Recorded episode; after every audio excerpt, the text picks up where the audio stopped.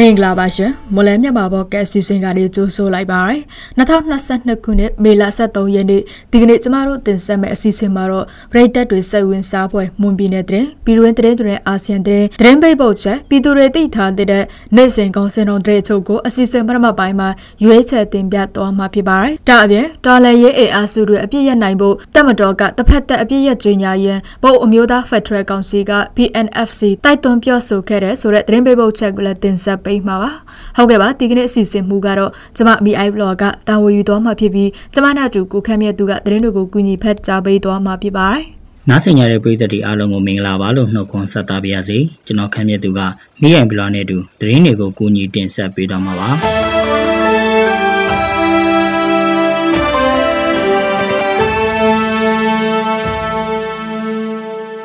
မွန်ပြည်နယ်မှာညမထွက်ရအမိတ်အပါအဝင်လုံခြုံရေးတင်းကျပ်မှုအခြေအနေတွေကြောင့်ရောဘာချန်ကိုတွာလာဖို့ခက်ခဲနေတယ်လို့ရောဘာတောင်သူတွေကဆိုပါတယ်။ရောဘာလောက်သားတွေဟာအစစ်ချစ်ဖို့ချန်တို့တွားရောက်ကြပေမဲ့စစ်စစ်ခံရတာတွေနာမည်မလုံခြုံတာတွေကြောင့်ချန်ထဲကိုတွာလာဖို့ခက်ခဲနေတာပါ။ရောဘာချန်ကိုနေဘက်မှာပဲတွာလာနေရပြီးညဘက်တွေကချန်တွေကိုလူဆောက်မရှိပဲပြစ်ထားနေရတာပါ။ဒါအပြင်ရောဘာအစစ်ချစ်သမားတွေကလည်းရွှေ့ပြောင်းလောက်သားတွေဖြစ်ပြီးလက်ရှိမှာတော့အလောက်သမားရှားပါမှုနဲ့ကြုံတွေ့နေရတယ်လို့လုပ်ငန်းရှင်တို့ကပြောပါတယ်ခရီးသွားလာရင်လည်းအရန်စစ်ဆေးတယ်လူငယ်တွေကိုအထက်ကစစ်တာလေရော်ဘာလောက်သားတွေကပကုတ်အေယဝတီတို့ကအထက်ကလာကြတယ်ဆိုတော့သူတို့ကလည်းလာဖို့ခက်ခဲနေတယ်ဒီမှာလည်းရှိတဲ့အလုပ်သမားတွေနဲ့လုံနေရတာပေါ့လို့သူကဆက်ပြောပါတယ်မွန်ပြည်နယ်မှာရော်ဘာစိုက်ပျိုးအေက9သိန်းကျော်ရှိပေမဲ့ပိတ်သိမ်းလာကြတဲ့ရော်ဘာအေကကလည်း2သိန်းနီးပါးရှိလာပြီလို့ပြည်နယ်ရော်ဘာလုပ်ငန်းရှင်အသင်းကနေသိရပါတယ်မြန်မာနိုင်ငံကိုအထက်ကစီတင်သွင်းနေတဲ့အင်ဒိုနီးရှားနိုင်ငံကစီတင်ပို့မှုရပ်နားလိုက်ပေမဲ့ပြည်တွင်းမှာစားသုံးစီမပြတ်လက်နိုင်ဘူးလို့မြန်မာနိုင်ငံစီကုံတဲ့နဲ့စီလုံးငယ်ရှင်များအသင်းကပြောပါရယ်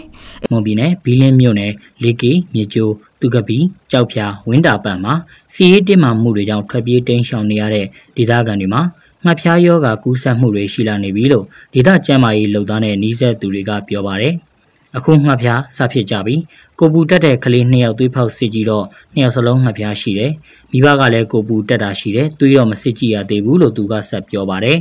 အချို့သူတွေမှာလည်းကိုပူဝမ်းပြက်ဝမ်းလျှောတာတွေရှိပြီးအေးမိဖျားနာတာတွေလည်းရှိနေတယ်လို့ပြောပါတယ်ဆေးဘေးရှောင်တွေအတွက်ငှက်ဖျားဆေးအပါအဝင်တခြားဆေးဝါးအခက်အခဲတွေအများကြီးရှိနေပြီးစားနပ်ရိက္ခာလည်းရှေ့ဆက်ပိုခက်ခဲလာနိုင်တယ်လို့ဆိုပါတယ်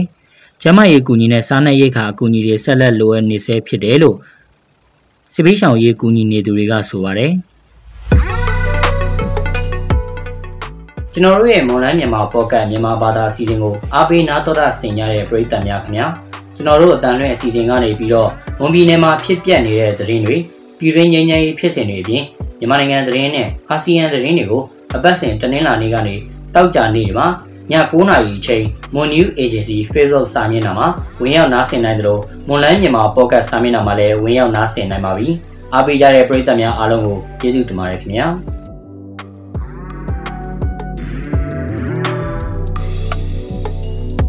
အင်ဒိုနီးရှားနိုင်ငံဟာပြီးခဲ့တဲ့ဧပြီလကုန်ပိုင်းက ပြည်ပနိုင်ငံတွေကိုစားတောင်းစီတင်ဖို့ရက်ဆိုင်လိုက်တဲ့အတွက်မြန်မာနိုင်ငံစီကုံတန်းနဲ့စီလောင်ဝဲရှင်များအသင်းကစီလောင်ကန်ကနေစီလက်ကျန်တွေကိုစီဝါရေးနဲ့ကုသရေးဝယ်ရေးဝန်ကြီးဌာနရဲ့ခွင့်ပြုချက်မရရင်မထောက်ပေးဖို့မေလအစောပိုင်းမှာကမ္ပဏီတွေကိုအကြောင်းကြားလာပါတယ်။နာဆာကကောင်စီစီဝါရေးနဲ့ကုသရေးဝယ်ရေးဝန်ကြီးဌာနကနေဆက်ကောင်တွယ်ရေးဆောင်ကနေပြည်ပသို့တင်ပို့နေတဲ့စီထွက်သီးနှံတွေကိုမေလအစောပိုင်းကစပြီးတင်ပို့မှုရည်ရက်ဆိုင်ထားဖို့ညွှန်ကြားထားပါတယ်။မွန်ပြည်နယ်ပဲမျိုးဆောင်တဲ့နှမ်းကုန်တဲ့များအတင်းတာဝန်ရှိသူတို့ကတော့စီထွက်သီးနှံတင်ပို့မှုရည်ရက်ဆိုင်လိုက်ရပါတယ်။မြန်မာနိုင်ငံစီကုန်တဲ့နဲ့စီလုံးဝဲရှင်များအတင်းကစားသုံးစီထုတ်ယူခွင့်မပြုကြောင်းအကြောင်းကြားလာတာကြောင့်ပြည်တွင်းမှာစားသုံးစီပြက်လက်လာမှာကိုလုပ်ငန်းရှင်တွေကစိုးရိမ်ခဲ့ကြပါတယ်။စားသုံးစီဟာပြည်တွင်းမှာလက်ကျန်12ရက်စာရှိသေးသလိုအခုရက်ပိုင်းတွင်မလေးရှားနိုင်ငံကစီတင်တင်ပေါ်တွေထက်ရောက်လာမှာဖြစ်လို့စားသုံးစီပြက်လက်မှုမဖြစ်နိုင်ဘူးလို့မြန်မာနိုင်ငံစီကုန်တဲ့နဲ့စီလုံးငန်းရှင်များအသင်းတာဝန်ရှိသူတွေကဆိုပါတယ်။မြန်မာနိုင်ငံမှာပြည်တွင်းစားသုံးစီလုံလောက်မှုမရှိတဲ့အတွက်ပြည်ပနိုင်ငံတွေကနေတင်သွင်းနေရတာဖြစ်ပြီးမွန်ပြည်နယ်အတွက်စားသုံးစီတွေကိုမလေးရှားနဲ့ထိုင်းနိုင်ငံတို့ကနေအထူးတင်သွင်းရောင်းချနေတာဖြစ်ပါတယ်။ပြည်တွင်းကိုလက်နက်ခဲယမ်းတွေနီလန်းပေါင်းစုံနဲ့ဝင်ရောက်မှုမရှိစေရေးအတွက်မြောက်ရီကုံသွေးလမ်းကြောင်းကိုရှာဖွေစစ်ဆေးပိတ်ဆို့ရေးယူမှုတွေဆောင်ရွက်သွားမယ်လို့နာစကကောင်စီရဲ့ကရင်ပြည်နယ်ဝန်ကြီးချုပ်ဦးစောမြင့်ဦးကပြောပါတယ်။ ကရင်ပြည်နယ်ဖန်အံမြို့ဇော်ကပင်ခမ်းမမှာပြုလုပ်ခဲ့တဲ့ပြည်내အဆင့်ဌာနဆိုင်ရာတွေရဲ့လုပ်ငန်းညှိနှိုင်းအစည်းအဝေးမှာထပ်ပါအတိုင်းပြောကြားခဲ့တာပါ။သူသူအနေနဲ့မြောက်ရီကော့ဂရိတ်ဖက်အံရန်ကုန်ကုံသွေးလမ်းကြောင်းကိုတေချာစွာရှာဖွေစစ်ဆေးပိတ်ဆို့သွားမယ်လို့ပြောဆိုခဲ့တာဖြစ်ပါတယ်။ဒါပြင်ကရင်ပြည်နယ်ကမြို့တွေကိုအစိမ်းအောင်ခီးသွားမြို့တော်ဖြစ်ရေးအတွက်မြို့တာယာလှပရေးဆောင်ရွက်သွားရမှာဖြစ်တယ်လို့သူကဆက်ပြောပါတယ်။ကရင်ပြည်နယ်အတွင်းကအဆိုပါမြောက်ရီကော့ဂရိတ်အာရှလမ်းမပေါ်မှာပြီးခဲ့တဲ့မတ်လကကရင်မျိုးသားစီယုံ KNU နဲ့တိုက်ပွဲတွေဖြစ်ပွားခဲ့ပြီးကုံသွေးထိခိုက်မှုရှိခဲ့ပြီးအဲ့ဒီနောက်ပိုင်းမှာတော့ KNU အနေနဲ့လမ်းတွေကိုပြန်လည်ဖွင့်လှစ်ပေးခဲ့တာဖြစ်ပါတယ်။။တင်တာအောင်ထားတဲ့တရုတ်ဆိုလာစီမံကိန်းတို့ကို NASA ကကဖျက်သိမ်းလိုက်တာကြောင့်တရုတ်လုပ်ငန်းရှင်အတိုင်းဝိုင်းမှာစိတ်ပူနေကြရတယ်လို့တရုတ်အစိုးရအာဘော် Global Time သတင်းစာကဖော်ပြပါရတယ်။တင်တာစည်းကမ်းချက်တွေချိုးဖောက်တာရဲ့လုပ်ငန်းအကောင့်ထွဲမှုနေကွေးတာရဲ့ဆိုတဲ့အကြောင်းပြချက်နဲ့နေရောင်ခြည်ဆွဲအင်တုံတက်အဘေးစီမံကိန်း26ခုကို NASA ကကဖျက်သိမ်းလိုက်တယ်လို့အေယဝတီသတင်းဌာနရဲ့ဖော်ပြမှုထွက်ပေါ်လာခဲ့ပြီးမှတရုတ်လုပ်ငန်းရှင်အတိုင်းဝိုင်းကစိုးရိမ်သွားကြတာဖြစ်တယ်လို့ Global Time သတင်းစာကဆိုပါတယ်။ NASA ကလက်ထက်စစ်ဆေးမှုတွေရဲ့အဲ့ဒီကုမ္ပဏီတွေဟာဓာတ်အားဝယ်ယူရေးစာချုပ် PPA 6ဆိုဖို့အကြိမ်အကြိမ်ရွှေ့ဆိုင်နေတယ်လို့လည်းသိရပါတယ်။အဲ့ဒီလိုရွှေ့ဆိုင်တဲ့ကုမ္ပဏီတွေထဲမှာတင်ဒါ12ခုအထိအောင်မြင်ထားတဲ့ Sun Great Power Supply Company လည်းပါဝင်တယ်လို့သိရပါတယ်။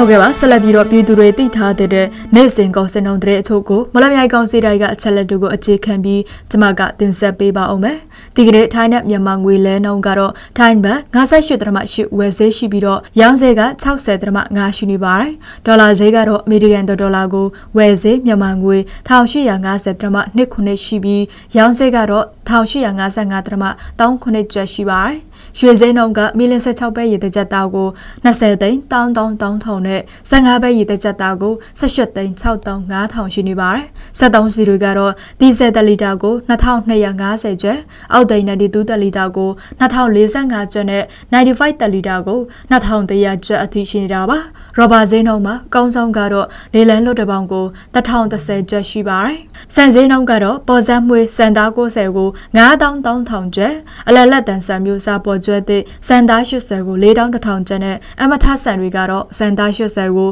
11500ကျပ်နဲ့စံသား90ကို11500ကျပ်အထိရှိနေတာပါအခုတင်ဆက်ပေးသွားခဲ့တာကမေလ23ရက်နေ့မှာဖြစ်ပျက်ခဲ့တဲ့မွန်ပြည်နယ်သတင်းပြည်တွင်းသတင်းနဲ့အာဆီယံသတင်းတွေပြင်တနိဒာစီစေးငွေစေးနဲ့ကောင်စင်တုံးတွေကိုတင်ဆက်ပေးသွားခဲ့တာဖြစ်ပါတယ်ဆက်လက်ပြီးတော့ဒေါ်လာရေးအင်အားစုတွေအပြည့်ရနိုင်ဖို့တမတော်ကတစ်ဖက်သက်အပြည့်ရကြေညာရန်ပို့အမျိုးသားဖက်ဒရယ်ကောင်စီက PNFC တိုက်တွန်းပြောဆိုခဲ့တဲ့ဆိုတဲ့သတင်းပေးပို့ချက်ကိုစရောင်းနုံကတင်ဆက်ပေးပါမယ်ရှင်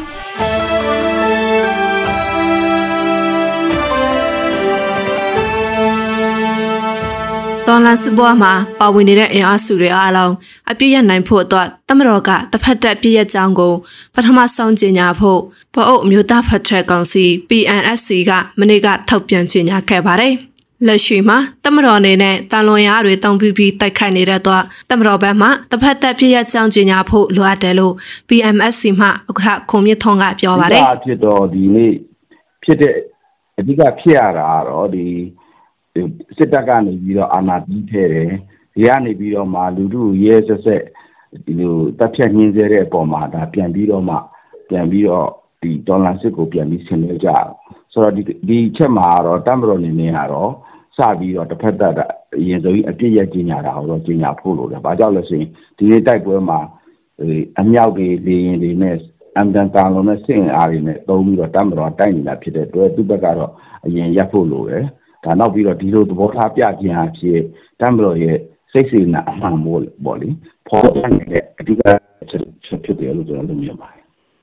ဒါအပြင်အာနာရှင်ဆက်ကျင်ရေးမှာနီလန်ပေါင်းဆောင်နဲ့ပါဝင်နေကြတဲ့အင်အားစုတွေပေါ်ရရဆက်ဆက်နိုင်နေမှုတွေချက်ချင်းရတန်ဖို့နဲ့တောင်အောင်ဆန်းစုကြည်အဝင်းမြစ်တို့ပါဝင်နိုင်ငံရေးကျင်းသားတွေအားလုံးချွင်းချက်မရှိလွတ်မြောက်ရေးဆောင်ရွက်ဖို့ကိုတိုက်တွန်းထားပါတယ်။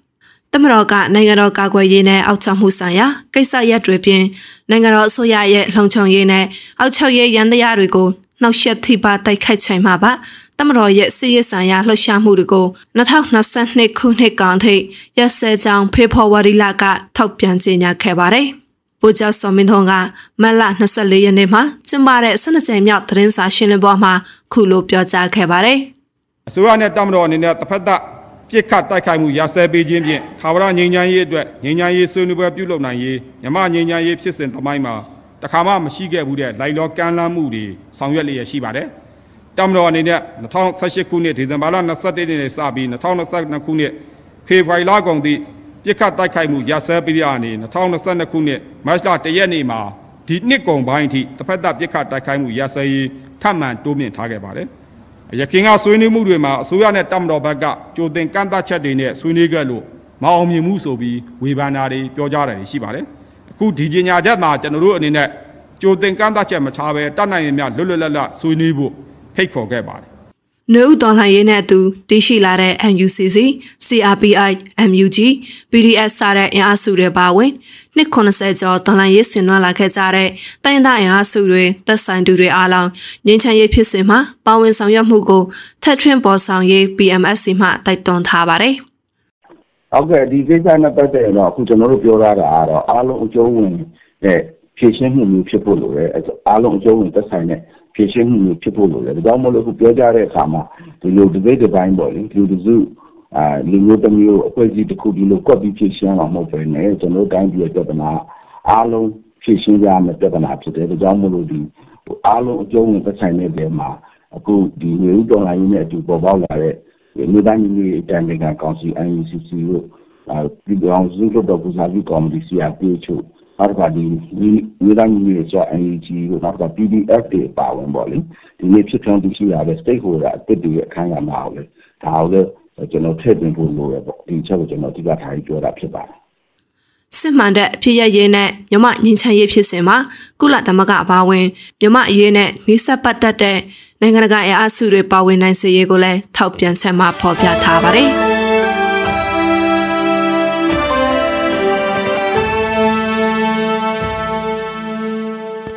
။ကျွန်တော်တို့ရဲ့မွန်လိုင်းမြန်မာပေါ့ကတ်အစီအစဉ်ဒီမှာတင်ပြီးဆုံးပါပြီ။နောက်ဆင်ကြတဲ့ပရိသတ်တွေအားလုံးကိုနောက်နေ့အစီအစဉ်တွေမှာဆက်လက်အားပေးကြပါအောင်လို့ဖိတ်ခေါ်ရင်းအစီအစဉ်ကိုအဆုံးသတ်ပါရစေ။အားလုံးကိုကျေးဇူးတင်ပါတယ်ခင်ဗျာ။